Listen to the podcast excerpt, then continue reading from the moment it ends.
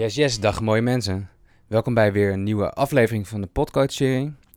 Mijn naam is Ramon de Munk, ik ben toegepast psycholoog, loopbaan- en levensloopcoach. En het is mijn missie om mensen hun eigen geluid te laten ontdekken in deze wereld vol ruis. eh, zodat je meer in je potentie kan gaan staan. En ook wat je daarvan belemmert, help ik graag wegnemen, zodat het verlicht wordt. En over het eigen geluid gesproken, ik nodig ook graag toonaangevende gasten uit, uit het vakgebied.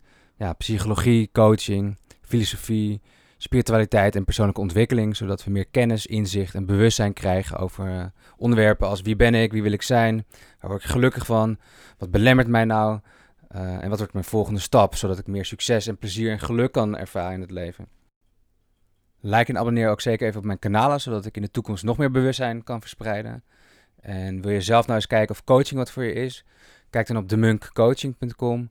Daar kan je een eh, gratis proefsessie aanvragen, zodat je eens kan eh, ervaren hoe het is. Ook kan je daar de twintigers dilemma test doen voor, voor de millennials en jongeren en eh twintigers en begin dertig. Om te kijken waar je zelf staat te midden van het twintigers dilemma. Zodat je ook weet dat je volgende stap kan worden. Dus dan krijg je gratis feedback van mij op de test. en tips en tricks. Voor nu heel veel luisterplezier. Yes, en vandaag in de uitzending van de podcoach Barbara Kok. Nou, Barbara, ehm, we hebben echt een mooi gesprek gehad. Ruim een uur eh, ja, verdieping opgezocht, allerlei thema's. Dus ja, waar hebben we het eigenlijk allemaal over gehad vandaag? Nou, waar hebben we het dan over gehad? Over het menselijk systeem, wat je drijft, mentaal, emotioneel en fysiek. Ja, Millennials, wat hen drijft, maar waar ze ook moeite mee hebben. ja, Wat een mens nodig heeft om gewoon de beste versie van zichzelf te kunnen leven. En dan met name vanuit natuurlijke processen. De natuurlijke mentale, emotionele processen te kunnen aangaan. ja voor de rest van je leven. Nou, luister dat zeker. Barbara, heel erg bedankt voor dit toffe gesprek. Ehm, en luisteraar, tot de volgende keer en bedankt voor het luisteren. Graag gedaan. Fijn, Ramon. Oké, nou Barbara Kok, leuk dat ik eh, helemaal mocht afreizen naar Voorburg in je mooie pand en eh, hier het gesprek met je aan mag gaan. Van harte welkom, Ramon. Ja, superleuk.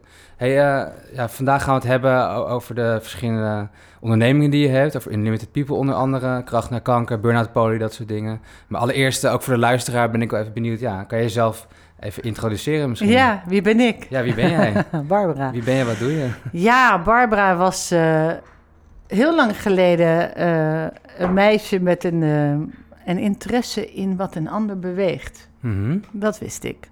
Ik wist alleen niet zo goed wat ik ermee ging doen. Ja, En dat werd dan psychologie, dat was dan een soort logica.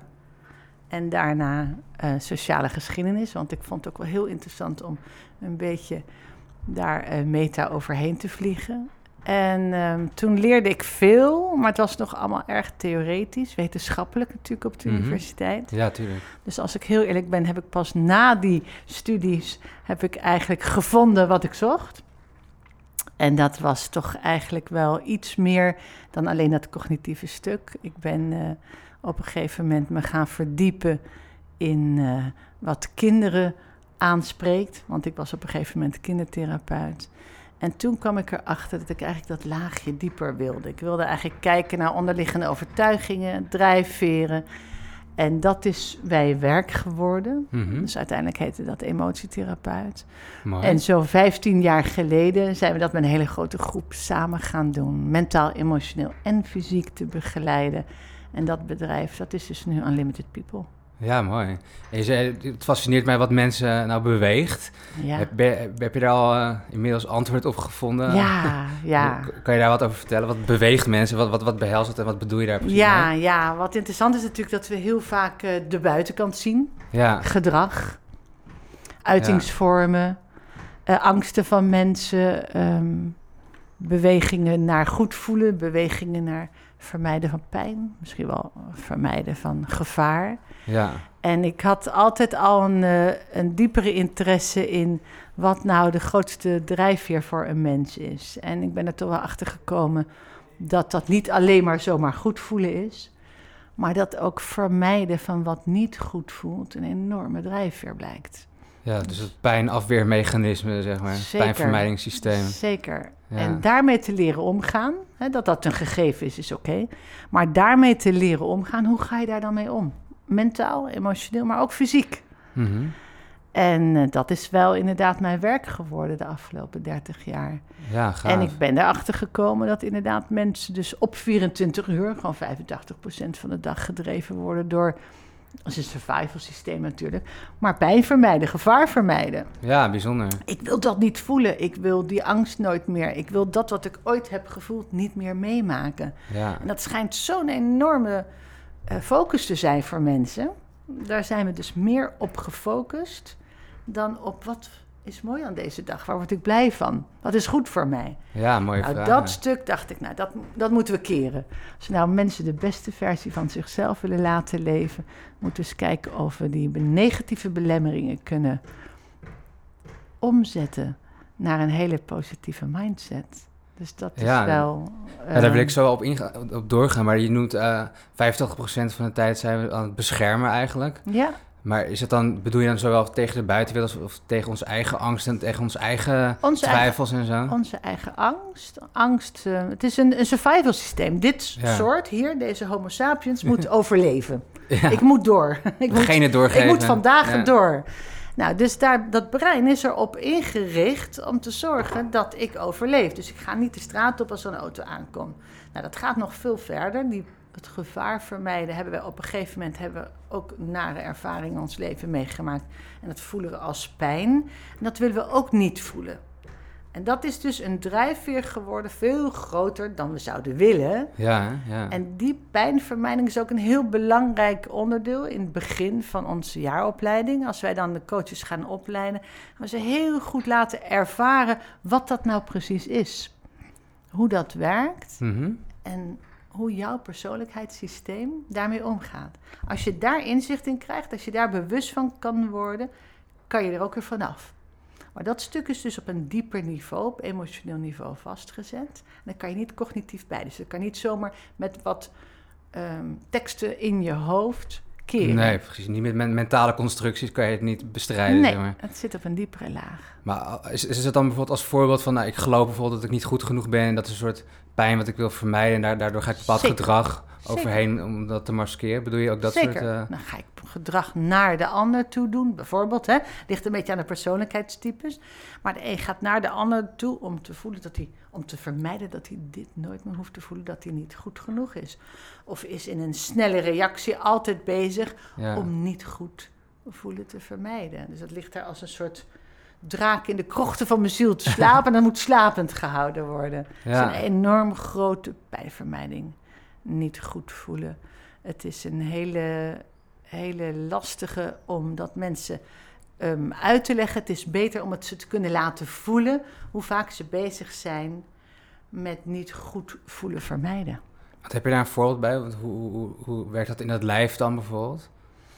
Nou, dat is dus een, eh, bijvoorbeeld een schrikreactie in het lijf, waardoor mensen in een beweging altijd voorwaarts naar een ander toe gaan. Het is heel goed mensen te laten voelen, dat is een mentaal en emotioneel proces natuurlijk, dat ze dat dus doen en dat dat dus ook echt letterlijk voelbaar is. Hmm. En als je hen dat kunt laten ervaren, dan weten ze ook de volgende keer ook, daar is die weer. Maar dat is do- dominant gedrag of zo wat je dan bedoelt? Of... Nou nee, het, het, het, duikt al op als een angst. Ah, Oké. Het is eigenlijk een angst. En die voelen ze bijvoorbeeld in hun onderbuik. Maar ze zijn Ja. daar helemaal niet bewust van. Het is, dit is natuurlijk ook onderbewust gedrag. Hè? Onderbewuste drijfveer. Als je dat de hele tijd bewust van zou zijn, dan zou je geen leven hebben. Ja. maar om dat dus bewust te maken, dat dit is wat je dus de hele tijd doet met een bepaald soort gedrag. En dan gaan we kijken, wat zit daar dan onder? Wat is dan daar de onderliggende drijfveer? Die te kunnen ontmantelen, en dat doen we dan met emotietherapie, want daar ga je dus naar die diepere laag toe. Met emotietherapie kom je daarop uit, die saboteur. Ja, en dan zie je dus mensen ontspannen en dan komen ze in een veel groter potentieel van wie ze werkelijk zijn. Eigenlijk degene wie ze werkelijk zijn. Maar is het dan dat ze dan vrijkomen van gewoon emotionele blokkades en remmingen... die, als een laagje over hun potentie heen ligt... wat je dan Met- afbrokkelt? Hè? Letterlijk, met emotietherapie kan je het echt noemen het afpellen van allemaal laagjes die je in de loop van je leven er overheen gelegd hebt. Ja. En dat zijn toch ook wel je vermijdingsstrategieën geweest, je aanpassingen. Ja, als ik vraag aan mensen op een jonge leeftijd, wat deed jij om je aan te passen? Dan valt die. oh ja, aanpassen. Ik begon al heel vroeg met aanpassen. Mhm. En aanpassen is eigenlijk al het begin van weglopen van het pad wat je werkelijk bent. Wat je waarschijnlijk ook zelf bedoeld bent. Ja, dan verlies je natuurlijk je authenticiteit eh, erin. Heel veel. Wij coachen zelf ook veel twintigers en heel veel, een heel veel, veel voorkomend thema is, is pleasen. Dus op hun werk altijd maar ja zeggen, moeilijk nee zeggen en mensen echt tevreden willen houden. Ja. Voor hun vrienden alles doen en eh, ja. daarmee willen ze naast hun schoenen lopen en zo. Maar is dat, eh, dat please gedrag ook een soort eh, pijnvermijdingssysteem, dat ze eigenlijk bang zijn dat, dat ze anders niet goed of niet leuk genoeg zijn, weet je wel, dat soort dingen. Please is weer zo'n beweging naar een ander toe. Maar je gaat eigenlijk weg van jezelf.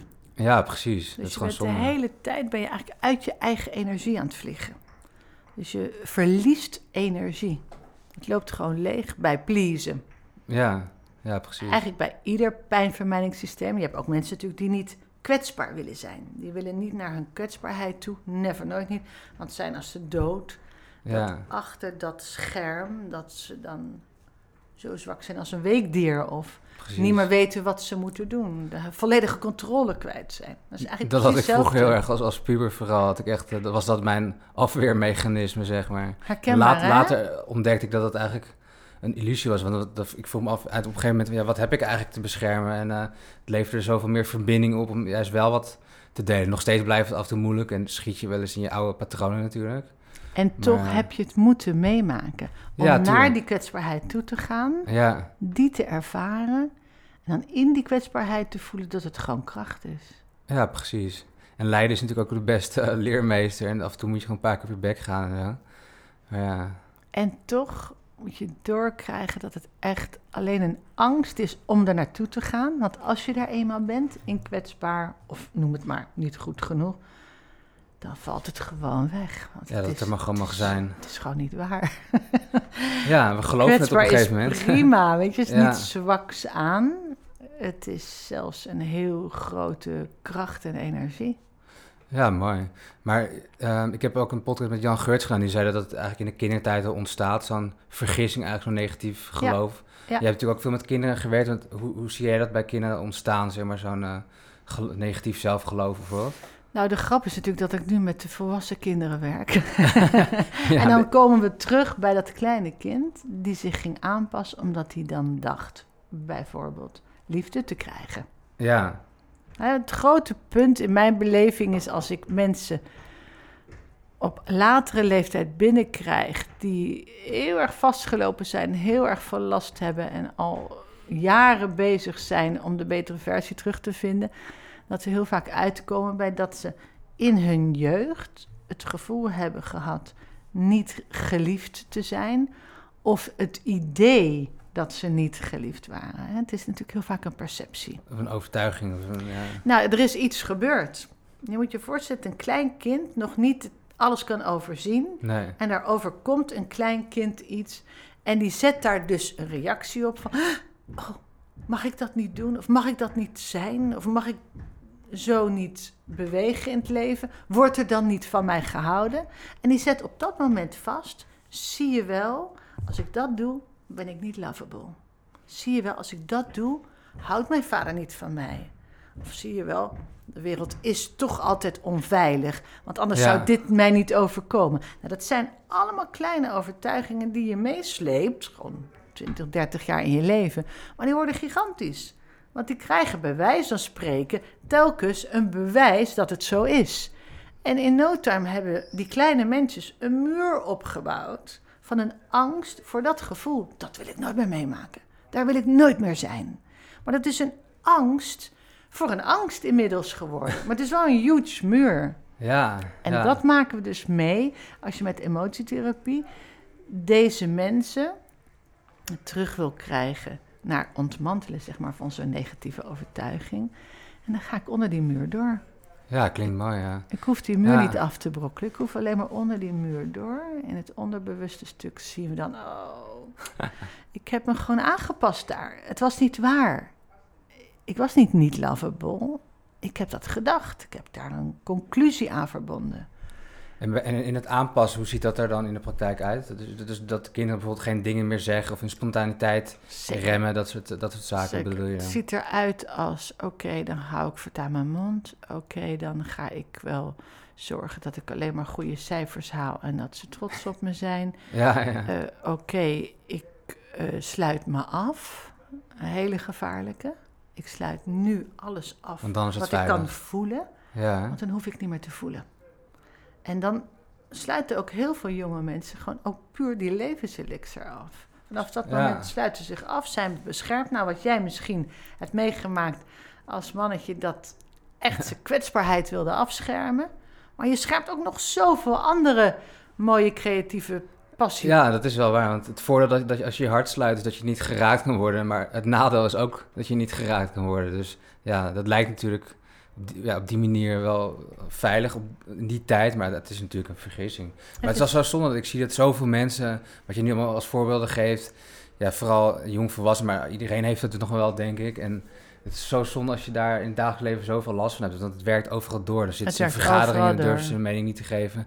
Of ze, ze willen eh, alles bewijzen, heel perfectionistisch gedrag. En elk detail moet goed zijn en heel erg streng voor zichzelf. En ze mogen geen uurtje luieren, want dan voelen ze zich schuldig. Omdat ze dan geleerd hebben, dan ben ik lui als ik even uit het raam sta en even geniet. Zo Het werkt het. zoveel door altijd. Zo verkokerend. ja. Dus ze zijn gewoon niet meer vrij.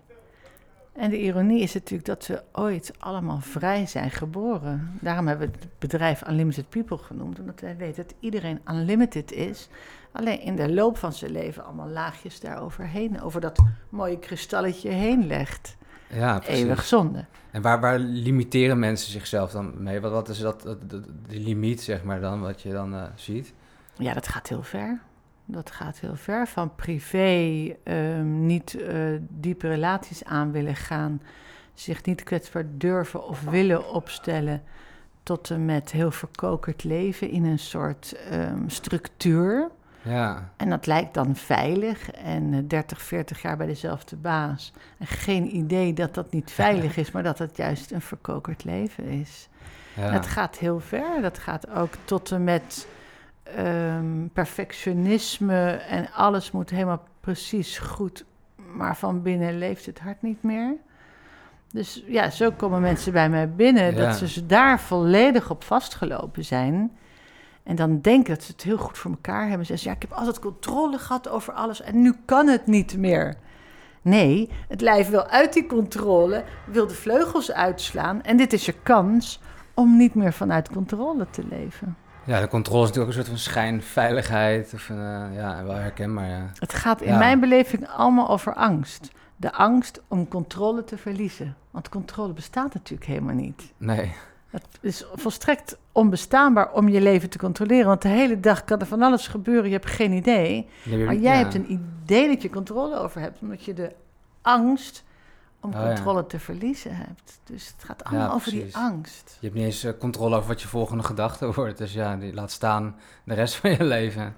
Ja, En dat is dus wat we natuurlijk heel veel zien: dat mensen die altijd vanuit die controle hebben willen leven, het heel goed bedoeld hebben.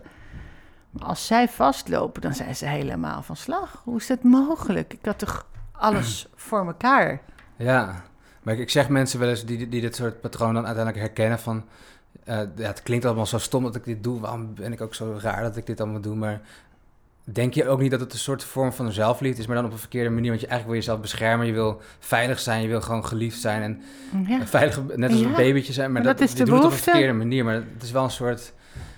Is, is het niet een soort van ver- verkeerde manier van zelfliefde eigenlijk Nou uiteindelijk? ja, het is natuurlijk eigenlijk een, eh, een heel menselijke behoefte om geliefd te zijn. Hè?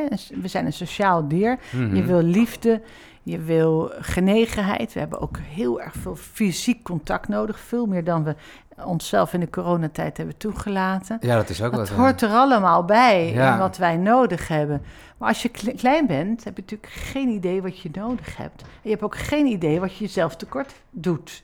In dat moment van afsluiten, aanpassen, weglopen van je eigen behoeften. Ja, ja. Dus het is natuurlijk voor ons ouders vreselijk interessant om op te letten wat daar gebeurt met je kind. Wat gebeurt er in dat kind? Zie je je kind al in die vermijding duiken?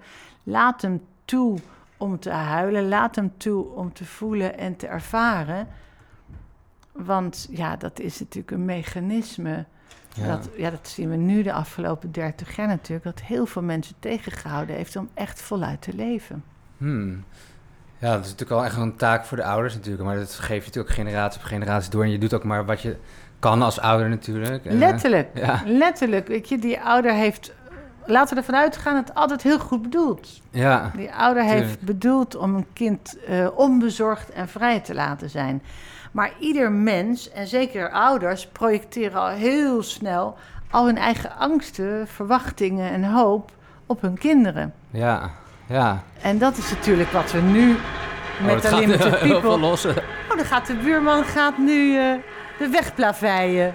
Ja, en hier gingen ze dus eh, letterlijk en figuurlijk eh, even aan de weg timmeren. Dus eh, het komende kleine minuutje hoor je nog wat gezoem op de achtergrond. En daarna is het gewoon gelukkig weer helemaal weg. Dus hoeft het eh, niet al te veel te storen, gelukkig.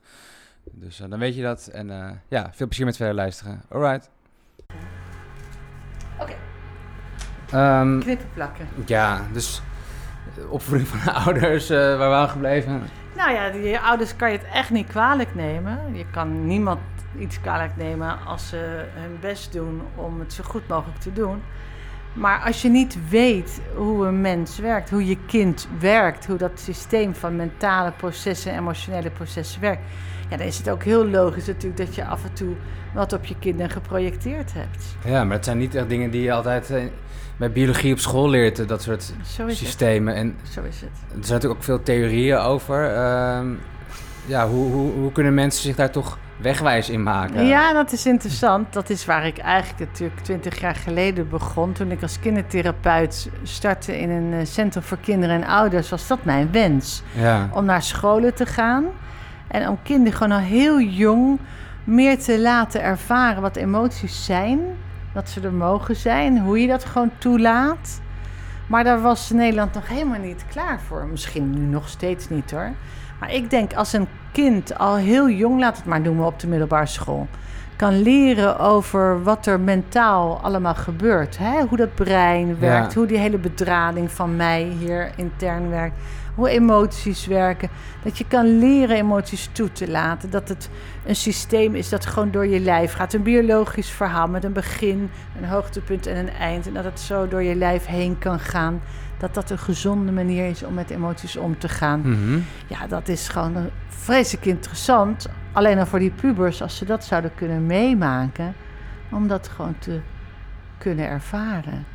En dat ze volledig goed genoeg zijn in de ervaring van toelaten van emoties. ja mooi, mooi, mooi gezegd. Maar laten we eens over dat systeem emoties uiteenzetten dan. Want je, je krijgt een, een stimulus uit de, uit de buitenwereld van binnen. Hoe werkt dat? Een gezond systeem van begin tot eind, zeg maar, van het Ja, voelen van een maar emotie? je zou het haast als een soort tunnel kunnen zien. Een emotie heeft een begin, een midden en een eind. En hij mag helemaal door die tunnel heen eruit. Ja, Maar het is een biologisch proces. In het hele lijf zitten celreceptoren. Op al je cellen zit bovenaan een celreceptor en die opent zich bij emotie. En die laat eigenlijk de hele informatie via neurotransmitters door het lijf heen gaan. En als je dat gewoon toe kan laten, zoals een baby, ja. Hè, zie het maar als een baby met een enorme boosheid en de vuistjes ballen en de huid wordt rood en er komen tranen en ik ben boos en ik laat heel die boosheid toe. Die baby vindt er helemaal niks van, hè? die denkt er niet over na, die heeft daar helemaal geen conclusies over, geen oordeel, laat gewoon emotie door zich heen gaan.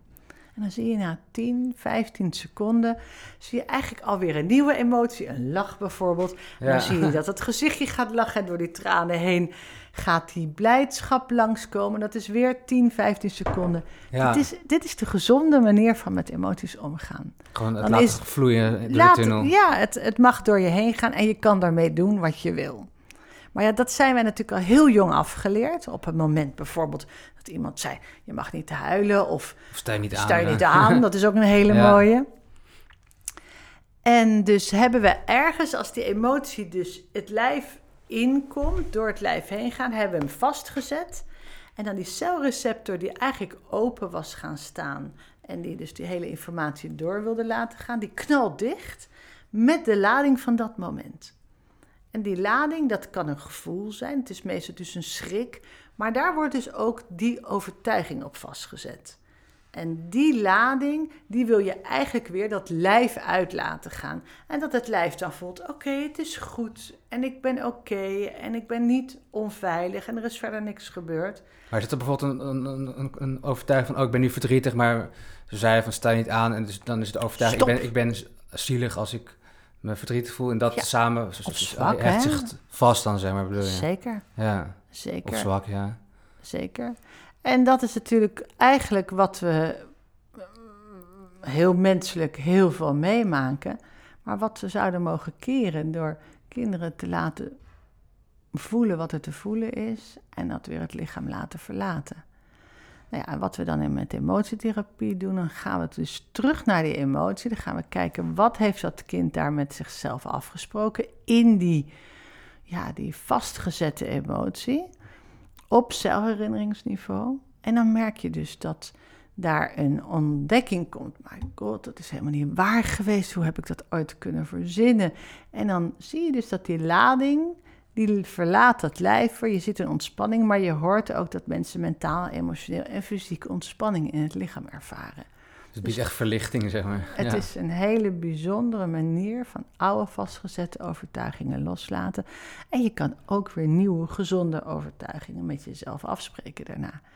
Nou, zo maken wij eigenlijk schoon Mhm. wat een belemmerende overtuiging was, wat je tegengehouden heeft, wat je hele persoonlijkheidsstructuur misschien wel heel erg beïnvloed heeft. Ja, dat is een heel ehm, verlichtend proces. Zeker. Ja, mooi. Heel dankbaar werk. En als je dat dan goed coacht, want ik vind wel dat je daarna mensen daar wel doelgericht mee moet coachen. Van hoe wil ik dat dan de rest van mijn leven? Hoe wil ik dat dan de komende tijd anders doen? Hoe implementeer ik dat in mijn werk, mijn relaties, in mijn zelfbeeld? Dan kan je mensen heel mooi een transformatie laten maken naar wie ze wel zijn. Ja, cool. En heb je misschien een soort casus van hoe, hoe zo'n vastgezette emotie dan loskomen iemand en wat voor emoties zijn het dan? En Zeker, hoe zeker. Heeft het, werkt het dan door in je relatie dat je dan meer Nou ja, happy bent zo? Ja, het ligt natuurlijk een beetje aan de persoonlijkheidstypes. Maar we hebben natuurlijk echt best wel veel mensen in huis die dachten dat ze hun kwetsbaarheid moesten vermijden. Ja, En die daar gewoon echt een panzer omheen hadden gebouwd. ja, precies. En dan op een gegeven moment ontdekken dat het een één groot controlesysteem was, waar ze dus ook helemaal verkokerd door vastgelopen zijn. Dus zo iemand komt dan op een gegeven moment bijvoorbeeld burn-out binnen. En die zegt, nou ja, het is vreselijk. Ik ben alleen nog maar boos. Ik heb alleen nog maar ruzie. Ik heb overal confrontaties. En ik begrijp eigenlijk niet wat er aan de hand is. Maar dat is dus een oud mensje van jaren her, een klein mannetje bijvoorbeeld, die met zichzelf had afgesproken nooit meer kwetsbaar te zijn, omdat hij in een kwetsbaar moment heel veel pijn had ervaren. En daar gaan wij terug naar dat moment. En dan blijkt dus dat het een heel jong, prachtig, lief, open mannetje was. Maar die daar gewoon toch met een iets wat dominante vader op een gegeven moment zich onveilig heeft gevoeld. Of het idee heeft gehad dat hij zijn kwetsbaarheid moest vermijden. Daar een panzer voor gezet heeft en gedacht heeft... de rest van mijn leven zal ik nooit meer kwetsbaar zijn. Ja, Maar komt dus echt ook zo naar boven. Hè? Je hoort dan ook dat kleine mannetje zeggen... ik zal nooit meer kwetsbaar Ja, een zijn. soort gelofte die je met jezelf eh, zet. Ja. Een pure belief is het. Nou, dan zie je dus als dan die ontspanning plaatsvindt en iemand komt dan in best wel natuurlijk een kwetsbare nieuwe vorm en dan dat hele lijf ontspant en dan komt iemand een week later terug en dan zegt hij, jeetje, het was ongelooflijk wat er gebeurde. Ik was open, ik merkte dat ik veel minder boos, geïrriteerd was. Dat ik gewoon rustiger werd, dat ik dingen kon accepteren. En dat ik ook merk dat ik echt veel minder Mm, ja. in die confronterende rol stap. En ik kan me niet echt, ik kan niet echt benoemen waarom en hoe, maar ik zie dat er iets shift in ja, mij. cool, mooi. Ja. Maar dit soort mensen, de, de tegenpartij hiervan, hebben we natuurlijk ook in huis. Mensen die zeggen van ja, eigenlijk ehm, heb ik een enorme issue met mijn leidinggevende. En eh, ja, dan gaan we naar binnen en dan zien we dat dat arbeidsconflict wat is ontstaan, dat het eigenlijk te maken had met dat er vroeger bijvoorbeeld een dominante ouder was, Ja. die heel erg trilt. Nu deze persoon met die leidinggevende eigenlijk die, die dominantie van zijn eigen ouder triggert dan herkent. weer. Ja. Dus we hoeven alleen maar terug naar een proces weer met die ouder, waar die ouder misschien, weet ik veel hoe dominant, maar in ieder geval het kind niet goed behandeld heeft. Het kind daarna met zichzelf afgesproken heeft dat hij eh, voor de rest van zijn leven onveilig is of zo. En deze persoon die voelt in die leidinggevende continue onveiligheid. Ja, jeetje. Nou, ja. Als we dat, dat proces hebben afgerond, dan had ik laatst, nou, dit is toch ook alweer twee maanden geleden, met iemand die zei: Nou, het was ongelooflijk. Ik had dat proces gehad. Ik had daarna weer een gesprek met mijn leidinggevende, want ik ging weer reïntegreren. En heel die lading was eraf. Ik heb dus een proces gehad op de verhouding met mijn vader vroeger. En de lading bij die leidinggevende was helemaal af. Ik had helemaal niks mee. Wauw, dat is echt een breakthrough, zeg maar. Ja. En dat is denk ik wat je herkent als uitingsvorm van het wegnemen van een oude overtuiging. Dus dat lading wegvalt, dat oude issues wegvallen, dat dingen die vroeger spannend waren of schuurden wegvallen. En soms heb je het niet eens door. Hmm, kom je pas ja. na een paar weken achter en denk je: Goh, ik heb helemaal geen last meer van die spanning. Of ik heb helemaal geen last meer van, van die zenuwen. Als ik in een bepaalde situatie kom die ik vroeger echt heel lastig vond. Ja, mooi. Dat echt is even heel, terug naar de kern. En, dat is eh, heel mooi.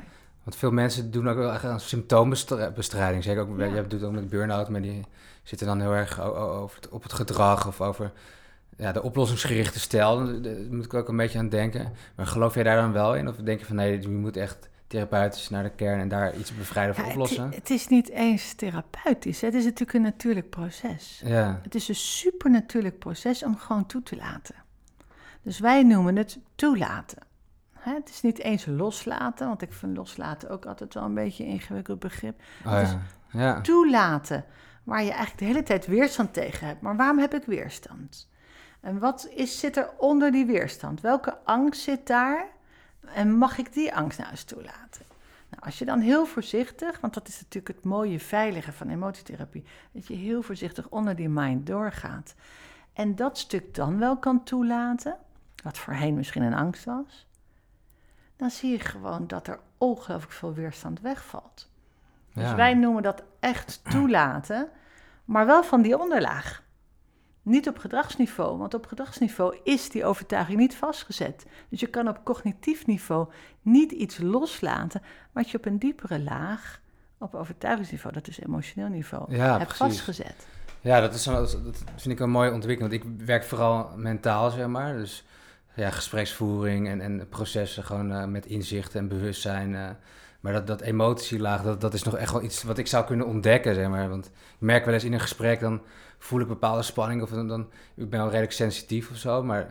Bijvoorbeeld dat iemand denk ik, een brok in zijn keel krijgt of dat soort spanningen, dat, dat neem ik dan wel eens over. Zo, maar er nog nooit echt zoveel mee gedaan. Af en toe wel met succes, maar af, af en toe dan durf ik het gewoon niet. Of dan weet ik niet zo goed het te plaatsen of dat zo. is het. Ik denk dat je angst jou tegenhoudt. Ja. Maar een dieper gevoel in jou, intuïtief, weet misschien heel goed er- hoe je daarmee om kan gaan. Ja, maar ik heb... Kijk, nu doe ik alles via Zoom en eh het afgelopen anderhalf jaar of zo, weet je. En dan eh, is het sowieso niet echt... Ja, dat toepassing is anders. gekomen? Daar ben ik mee eens hoor. Wij doen eigenlijk alles live hier in huis. Oh, dat dat is fijn. ook wel de Ja. meerwaarde. Ook de coaching, ook de emotietherapeut en ook de osteopaat. Want de energie in die kamer is ook zo belangrijk. Ja, dat, dat mis ik echt zo enorm nu eh, met, met die eh, lockdown en zo. Maar gelukkig gaat het wel weer eh, de goede kant op natuurlijk. Ja, nou ja, wij doen alles één op één. Dus we mogen met iemand gewoon één op één in een kamer zitten. Precies. Op anderhalf meter is natuurlijk heel goed te doen. Dus Juist, het is heel ja. prettig. Dat is heel prettig. En Ja. het is in mijn beleving ook de enige manier om echt die diepte van, van je resultaat te bereiken. Ja, absoluut. Geloof ik meteen. Maar je doet dus die 3D-aanpak, hè? Dat, Ja. dat holistische. Ja, Ehm, we hebben nu het emotielaag gehad. Eh, en die andere twee zijn dan eh, het mentale ja. en, eh, en het... En een fysieke be- behandeling echt hè, op het lijf. Ja, Dus wij doen heel veel in geïntegreerde programma's. Dus gemiddeld zijn de mensen hier zo twaalf weken in huis. Dan is de coach is zeg maar de supervisor, die start en die eindigt het programma. En die gaat week 1 met mensen kijken, wat gebeurt er nou? Waarom loop je vast? Of waarom loop je tegen een bepaald plafond bij jezelf aan? Wat zijn die patronen van jou? Maar wat is ook die vermijdingsstrategie? Wat zit daaronder als jouw persoonlijke saboteur? Nou, daar gaan we mee aan de slag. Dan week 2 komen ze bij de emotietherapeut. Dan pakken we dus die onderliggende overtuiging. En die gaan we dan ontmantelen, waardoor ze in die ontspanning komen. En dan week 3 komen ze bij de osteopaat.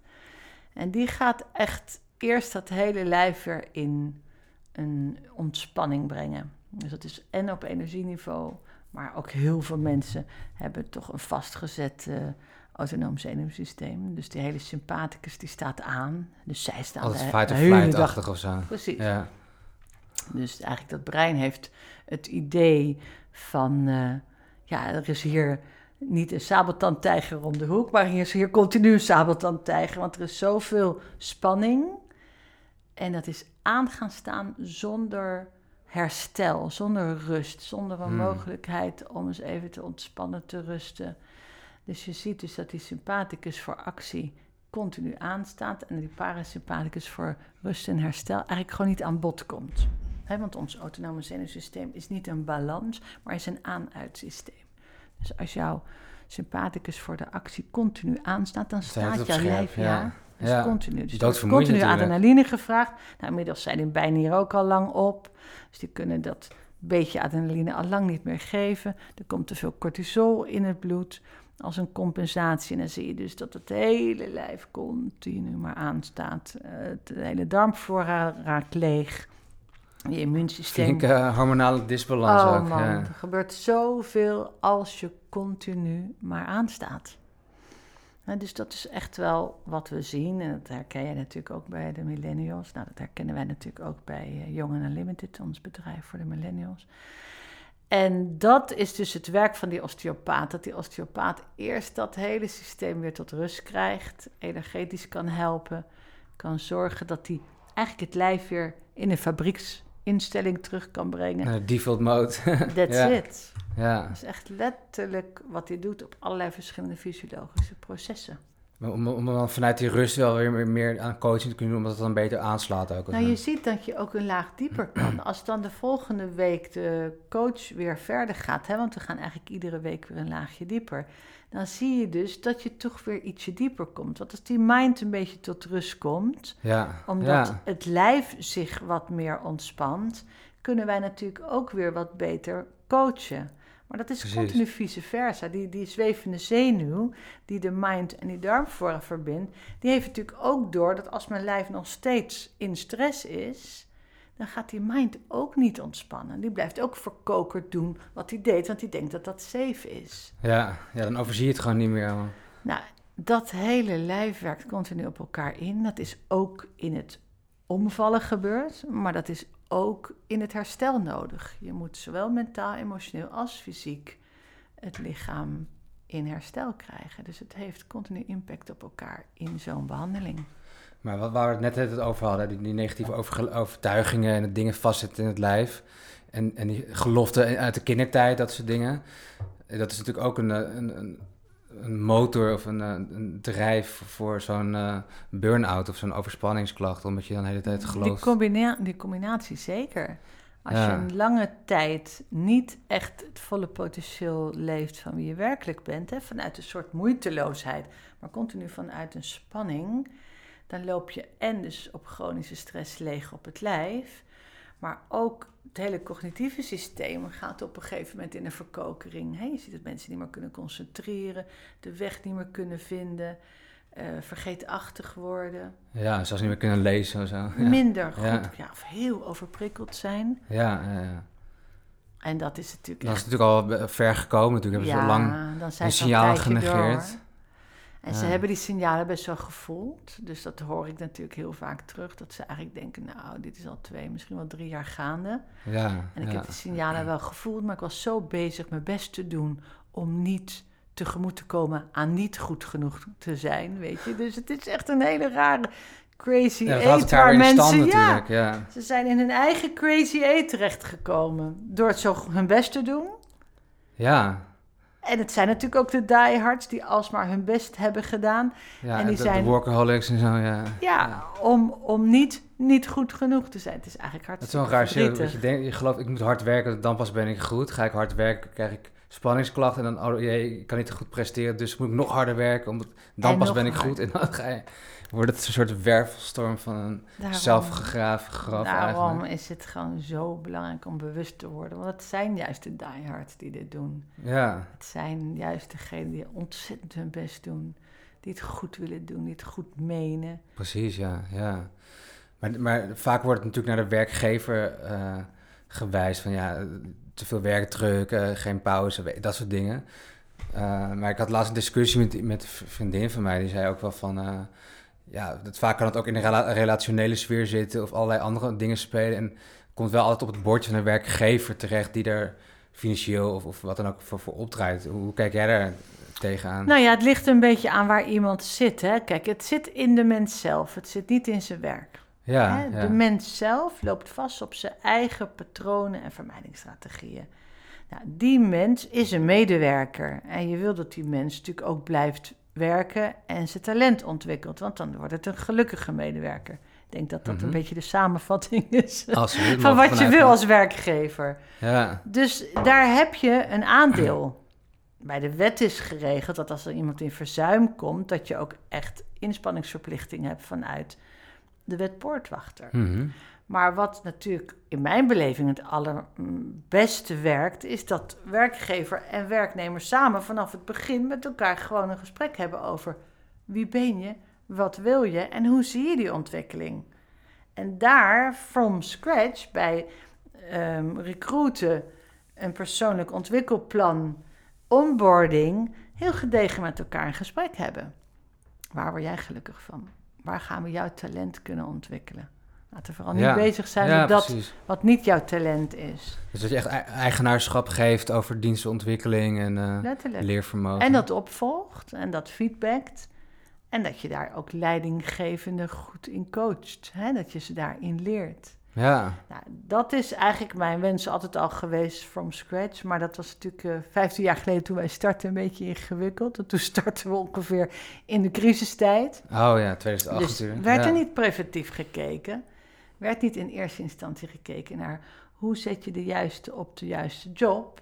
Of blijven we jobmatchen gedurende het proces van iemand.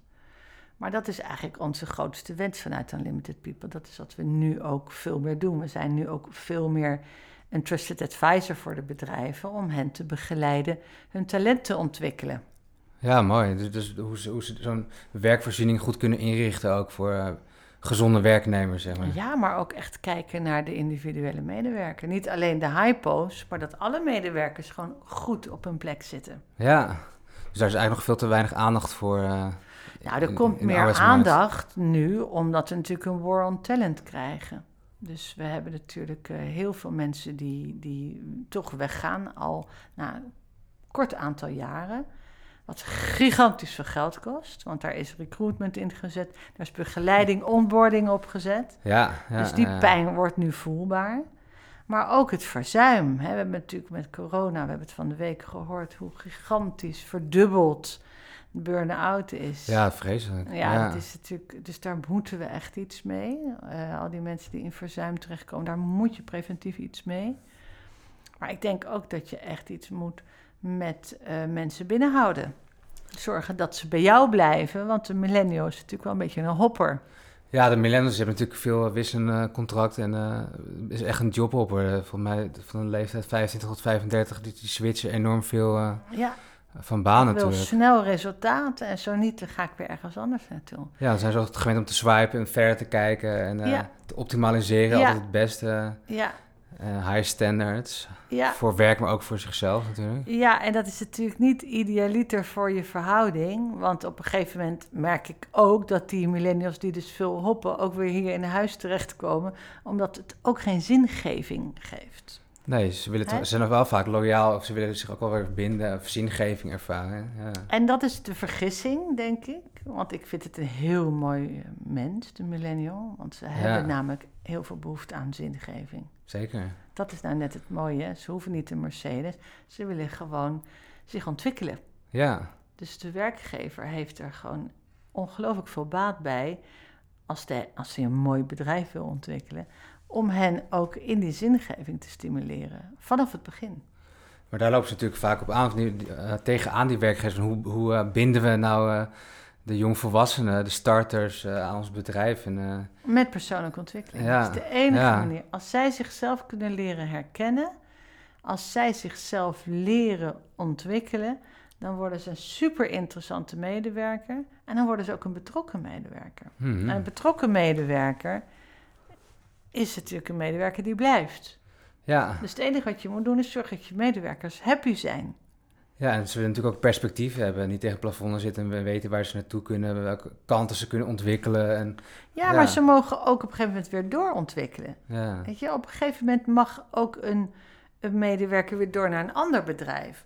Maar als je met elkaar daar een mooie consensus over kan krijgen, dat dat een circulaire vorm is. Hè, dat, we willen met z'n allen naar een circulaire economie. Nou, laten we dat ook in de human performance doen.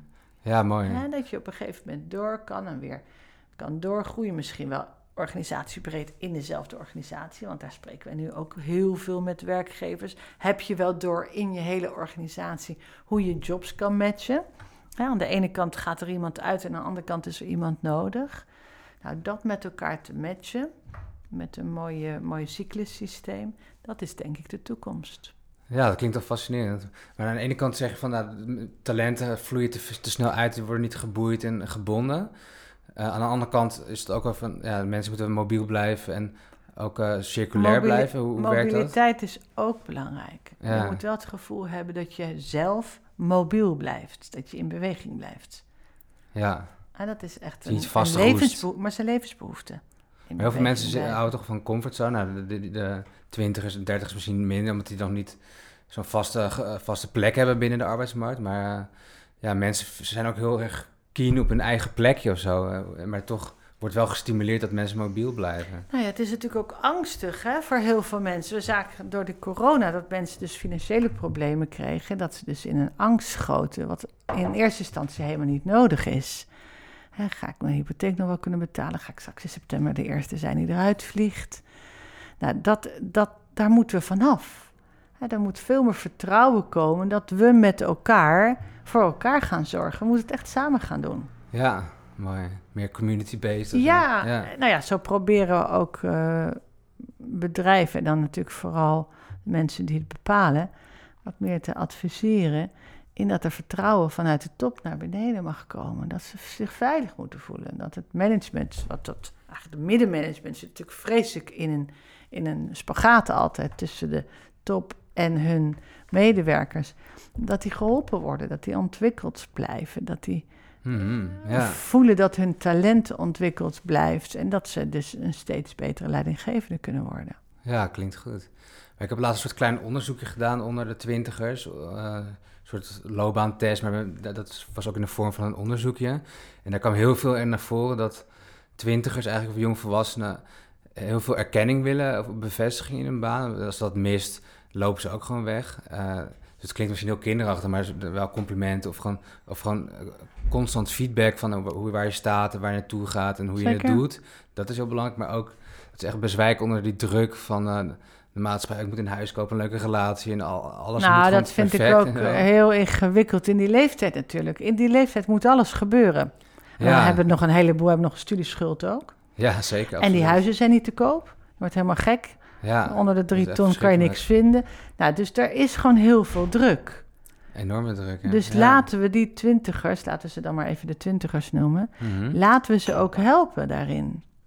Weet je, laten we ze helpen ontwikkelen. Want het is zo'n, jullie zijn al, ik mag dat zeggen als vijftiger, jullie zijn veel uh, jonger volwassen, jullie zijn veel wijzer, jullie weten veel meer, ook alleen al de informatie die jullie krijgen. Jullie weten zoveel meer dan wij in die tijd. Maar we moeten jullie wel helpen. We moeten jullie ook een beetje helpen op dat pad van, van carrière maken, van Ja, ontwikkelen. Ze hebben, twintig hebben zeker een soort mentor, een soort gids eigenlijk Denk het, nodig. En letterlijk. L- dat- dat- Veel mentorschap is er Ja. nodig. Zeker in het begin bij onboarding. Er is echt mentorschap nodig. Maar ze ook gewoon eh, training, coaching aanbieden, blijven aanbieden om zichzelf te ontwikkelen. En waar zit dan vooral de winst of wat, schort er nog dan in grote bedrijven? Waar is dan vooral behoefte aan? Nou, ik merk dat daar ehm, een, een gebrek is aan kennis over wie ben ik. Als jij jezelf leert kennen, je eigen persoonlijkheid goed leert kennen, dan weet je ook wat je wel en wat je niet goed kan en hoe je dat uh, kan inzetten. Hè, hoe je je talent wel kan inzetten. Maar als je niet veel over jezelf weet, dan, dan loop je stuurs door in je carrière. Nou, dat is wat je nu ziet bij een paar prachtige bedrijven, die dat allemaal nu onboarding wel met uh, hun medewerkers aan het doen zijn. Dat het ook echt gelijk effect heeft. En ze ook veel beter presteren. Ik geloof dat er ja. laatst weer een onderzoek was, was vorig jaar, oktober vorig jaar, 22% en meer uh, presteren dan wanneer je hen niet in die betrokkenheid, in die happiness op de werkvloer. Ja, mooie ontwikkeling. Want mensen voelen zich ook echt gezien en gehoord natuurlijk. En eh, dat geeft gewoon wel vertrouwen en zelfvertrouwen. Ja, maar dan blijven ze ook. Ja, ja mooie ontwikkeling. En met, met Young Unlimited, hè, wat, wat voor een rol speel je uh, dan vooral voor, voor Nou, ik niet, want ik vind dat ik veel te veel dan uh, daar de mama ben. Dus dat vind ik helemaal niet interessant.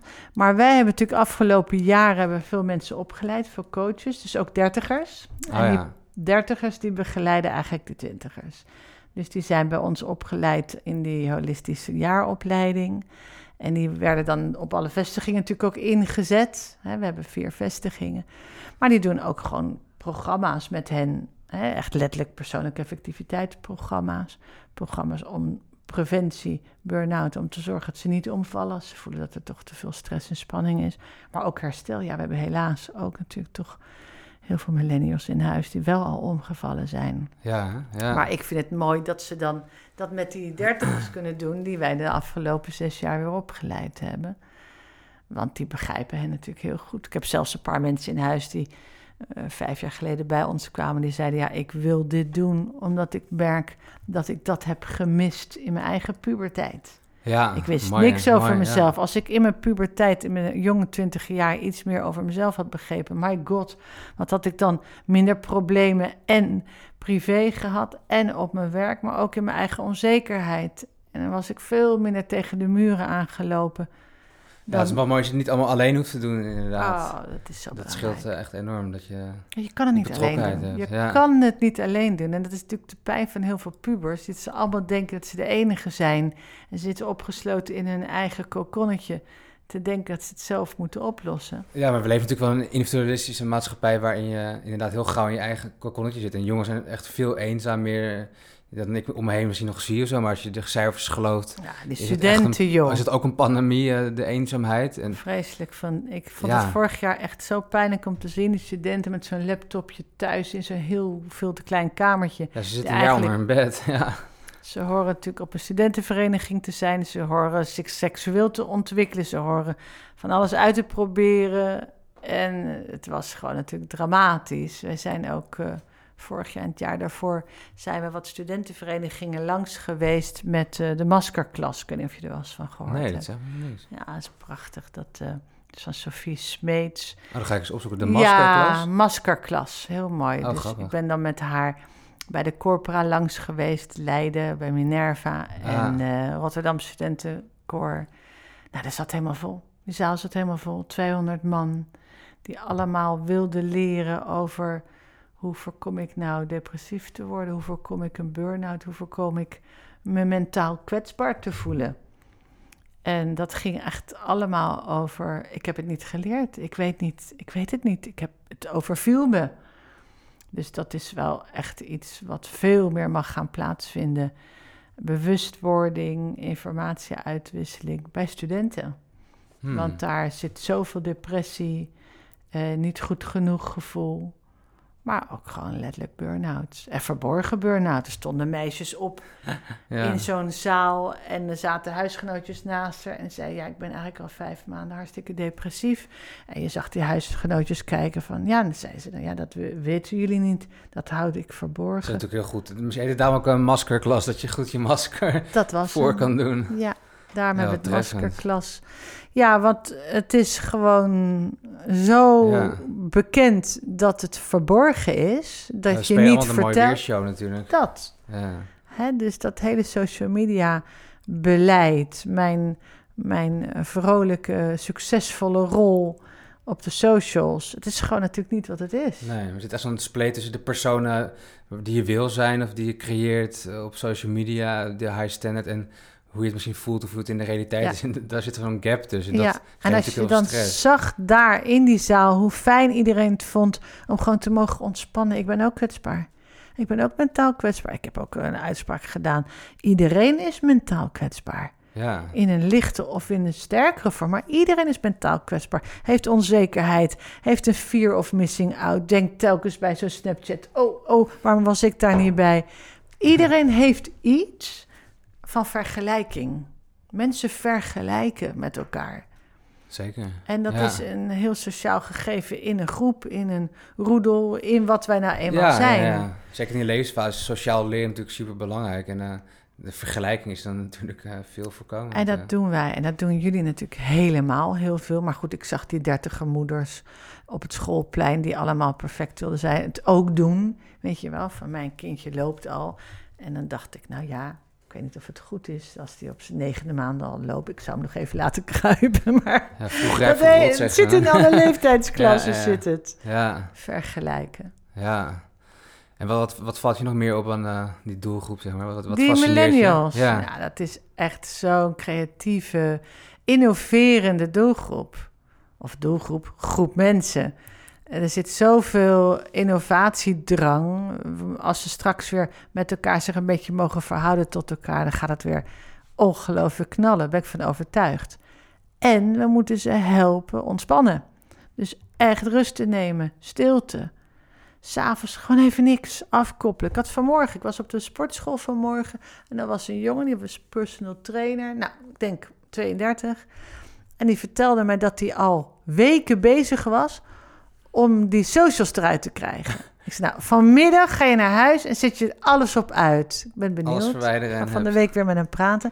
Maar ik vond het zo'n mooi verhaal. Ik ben al weken bezig om het uit te zetten. Het lukt me gewoon niet. Want ik wil iedere keer weer... Ik zie mezelf weer swipen. Ja, Ik ja. zie mezelf alles... Toch wel verslavend, hè? Ja. Het is echt verslavend. ja. Maar het is zo goed om echt die stilte. En dan mag je invullen zoals jij zelf wil.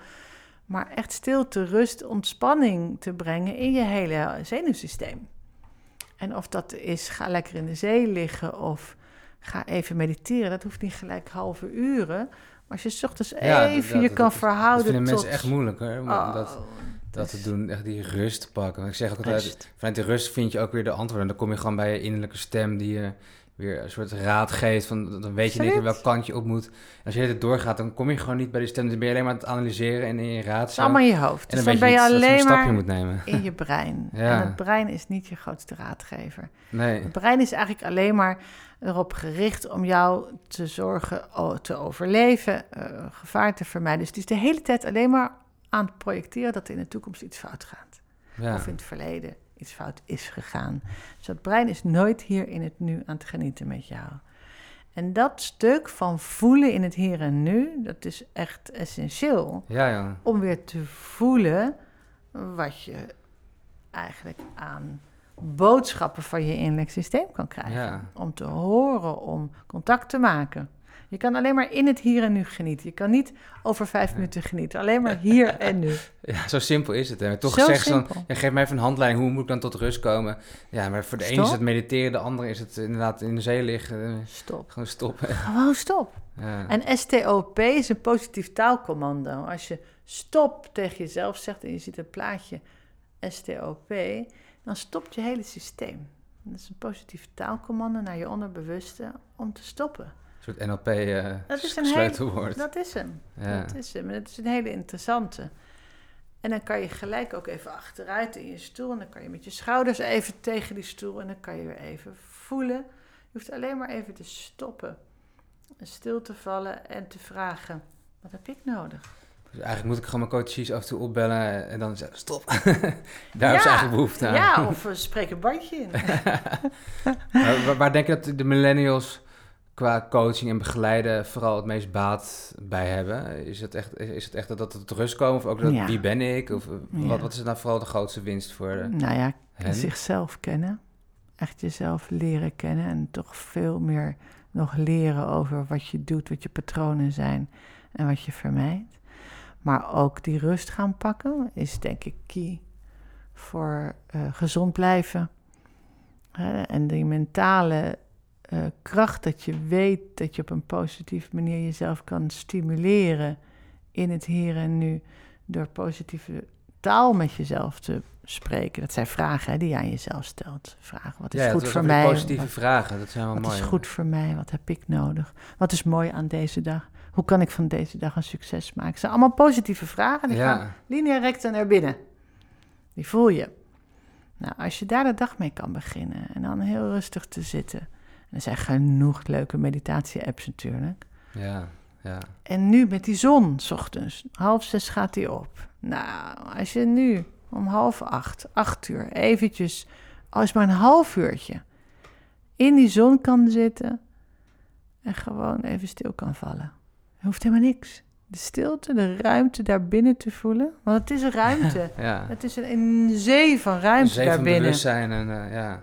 Maar ik heb iemand, ik, raad, ik had iemand laatste zo grappig, die raad ik aan om te mediteren, om dat even te doen, gewoon in stilte en, en, en te vertragen. En die, maar ze zien het dan ook als een taak, van dat, dat, dat is pas Doen. gelukt Moet als ik nergens aan heb gedacht. Of ja, het is een doen, een moetje.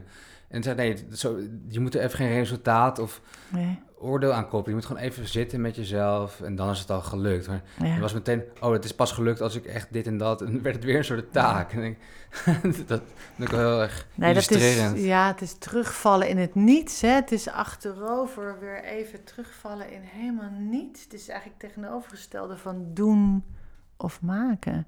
En dat is natuurlijk heel ingewikkeld als je altijd maar bezig bent geweest met doen, creëren, doen en eh, maken. aanstaan.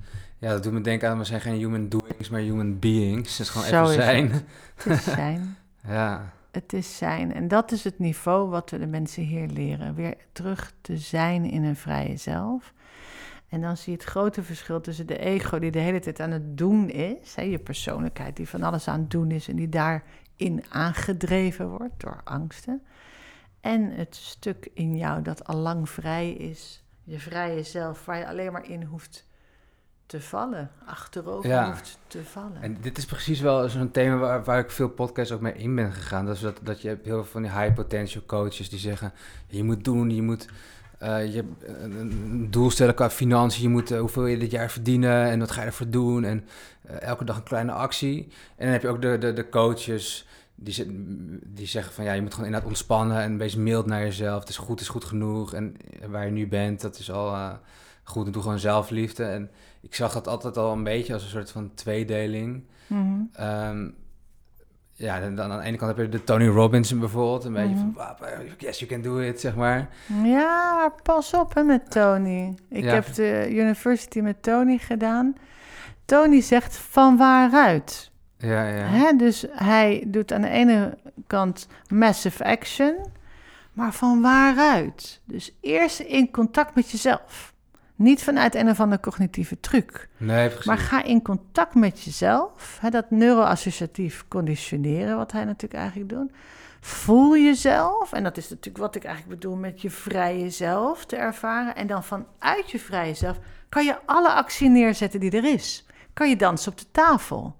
Maar wel vanuit je vrije zelf, het grote potentieel dat je bent. En niet vanuit die wilskracht. Niet vanuit die verkokerde wilskracht die iets moet doen om iets te bereiken, wat misschien gewoon ook maar een verzinsel is. Maar Ja, niet ja. echt vanuit een drijfveer van je why is. Dus weer vanuit passie of vanuit pijn iets doen, zeg maar. That's it. Ja, ja. Dus die, die passie die zit bij je why. Als je eerst contact kan maken met jezelf en je echte why, en dan van waaruit, vanuit die why, wil Mhm. ik dit doen, dan kan je ook toetsen of dit de werkelijkheid is en of dit ook echt goed is voor jou. Ja, ja maar als je precies. voelt dat je vanuit een cognitief stuk, ja, ik wil heel veel geld verdienen. En we gaan nog wel zien wat en how. Dat is natuurlijk niet een why die infinite is. Die, die blijft. Die je blijft drijven. No way. Nee, dat kan niet. Nee. Dat is een oeverloze put die nooit... Vaak is het toch een bewijs Genoeg is. om, om, om- dat je je vader tevreden wil om te laten zien, kijk, ik kan miljoenen verdienen. Of, dat is natuurlijk een andere een drijfveer dan van, oh, ik wil mensen helpen bewustzijn te creëren in hun leven. Of ik wil de wereld een beetje mooier maken door kunst. Of, dat is een andere, dat is niet echt een why van jezelf Een natuurlijk. echte why is blijvend en is van jou. Is Ja. jouw why. Dus Ja, dat is de belangrijkste om, om contact mee te maken. In mijn beleving zit die op een dieper niveau. Die zit dus op het niveau van zingeving en dat is op emotioneel niveau. Maar veel mensen, heb ik gemerkt, vinden het super moeilijk om, dat, om daar te komen of daar eerlijk in te zijn. Die, die zijn dan eerst heel erg van, ik weet niet wat ik le- leuk vind, ik weet niet wat ik belangrijk vind. Of, maar dan heb ik heel veel het gevoel dat ze het ook niet durven te voelen, omdat, ze, omdat dat kwetsbaar is natuurlijk. Want wat nou als mensen zeggen, nee, dat kan jij toch niet. Of ja, doe niet zo gek, want wie, wie kan er nou gitarist worden in, een- in, een, in een mooie band? Of weet je wel. Dus- dus- dus Mensen vinden het ook moeilijk. Ja, maar dat is een rationeel gesprek. Ja, Dus als diegene zich verbindt met zijn diepste gevoel, eh, op emotioneel, op trillingsniveau, haast misschien wel zelfs een eh, universele ja. verbinding, dan is daar dat rationele gesprek niet. Want dan is alleen een gesprek met jezelf over waar jij gelukkig van wordt. En dan hoef je ook niks te vertellen of te verklaren of te verdedigen. Dan is dat gewoon jouw why. En dan ga je van daaruit, ga je ongetwijfeld precies straks weten wat te doen. hoe, breng je mensen naar die plek dan? Of hoe, hoe begeleid jij dat? Met emotietherapie. Ja, Met voelen. doelgerichte doorbraakcoaching en emotietherapie. Die combinatie die wij ooit 15 jaar geleden zijn gaan doen, is de manier om met mensen bij hun purpose uit te komen. Je kan alleen bij je purpose uitkomen als je echt naar binnen gaat, naar dat niveau. En daar komen we ook uit. Het is niet meteen, je bent eerst wat aan het afpellen. Maar op een gegeven moment, na zo'n week zes, dan is het ook wel zaak natuurlijk om je purpose te gaan ervaren.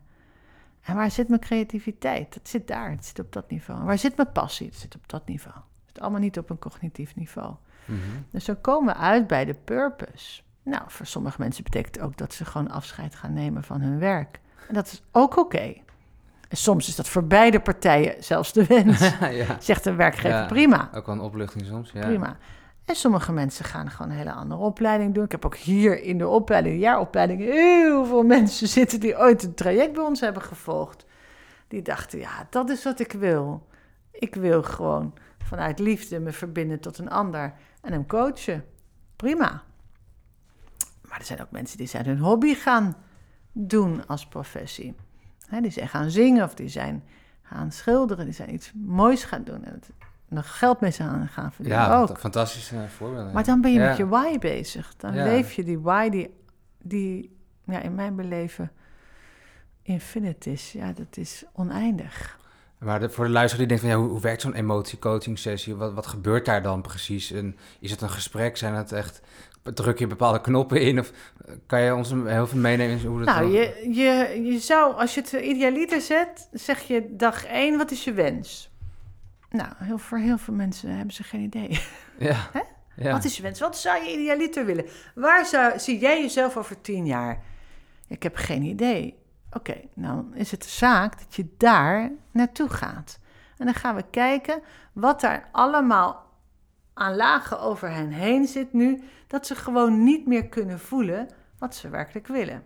Dus dan gaat de eerste laag eraf van ik ben niet goed genoeg. En dan gaat de tweede laag eraf van ik kan het niet. Of de volgende laag, ik mag nooit, ik ga nooit eh, spreken, want ik ben als te dood om te spreken. En de volgende laag, eh, ik ben geen goede, goede ouder. Nou, al die lagen die hen beklemmen, gaan er allemaal af. En op een gegeven moment komt er gewoon een systeem van oké, ik ben oké. En dat is een hele grote bandbreedte van oké. ja, mooi. Dat is niet hoog of laag of eh, heel ingenieus. Nee, het is een moeiteloze.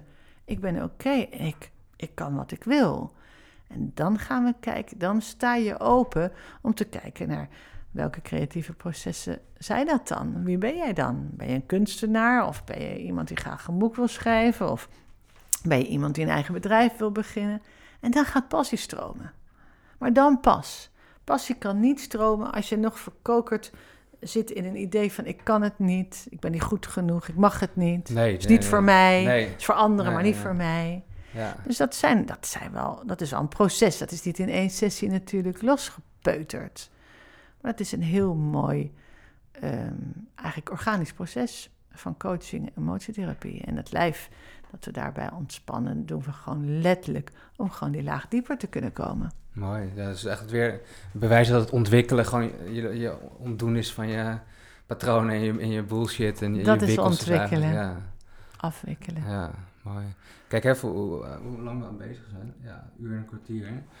Dus eh, nog even een laatste ding misschien. Zijn er nog onderwerpen die we vergeten uit te diepen... of waar we nog in moesten haken of die je zelf... Ik denk dat dit heel mooi is hè, voor waar we het vandaag over hebben. Het is niet het moment, denk ik, om nou eens over kracht naar kanker te beginnen. Nee. nee dus nee. wij zijn natuurlijk samen in gesprek over de millennial. Hè, wij doen dat met Young and Unlimited. Jij bent natuurlijk heel erg geïnteresseerd in die millennial Ja. verder te brengen. Nou, ik kan me voorstellen dat het voor jou ook vreselijk interessant is om meer te leren over die emotionele laag, hè, over Ja, die ja, drijfveren.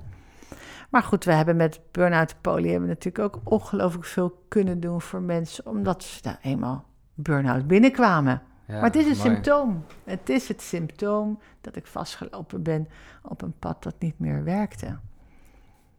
Ja, ik had ook een keer met Jentien Keizer een podcast en die zei... burn-out is een soort genezing van een ziekmakend patroon eigenlijk. Want je lichaam gewoon zegt tot hier niet verder.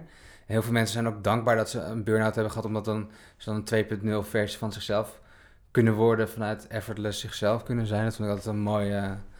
Zeker. Zeker aan het eind. In het begin zeg ik dat niet hoor. Nee, dan zit je... Nee, dat Nee, daar moet je heel voorzichtig mee zijn, want het is heel naar als je met burn-out binnenkomt. Nee, Maar aan het eind, joh, zoveel mensen zeggen onvermijdelijk, één. En twee, echt een cadeau. Dat ik vast mocht lopen, dat ik echt het anders mocht gaan doen. Mhm. Echt anders, hè? Niet een beetje anders, maar echt anders. Mentaal, emotioneel en fysiek anders met mezelf om mag gaan. Ja, Met compassie, met veel meer liefde naar mezelf. Maar ook moeitelozer. mooi. Ja, we hebben een hoop mooie thema's aangeraakt. Nou, het staat erop. Leuk. Veel, hè? Ja. Gewoon vijf kwartier ineens. Ja, dat echt niet door. Ja, ik kon gewoon uren door. Echt, hè? We gaan nog wel eens een onderwerpje pakken. Ja, dat is echt tof. Ik ben er blij mee.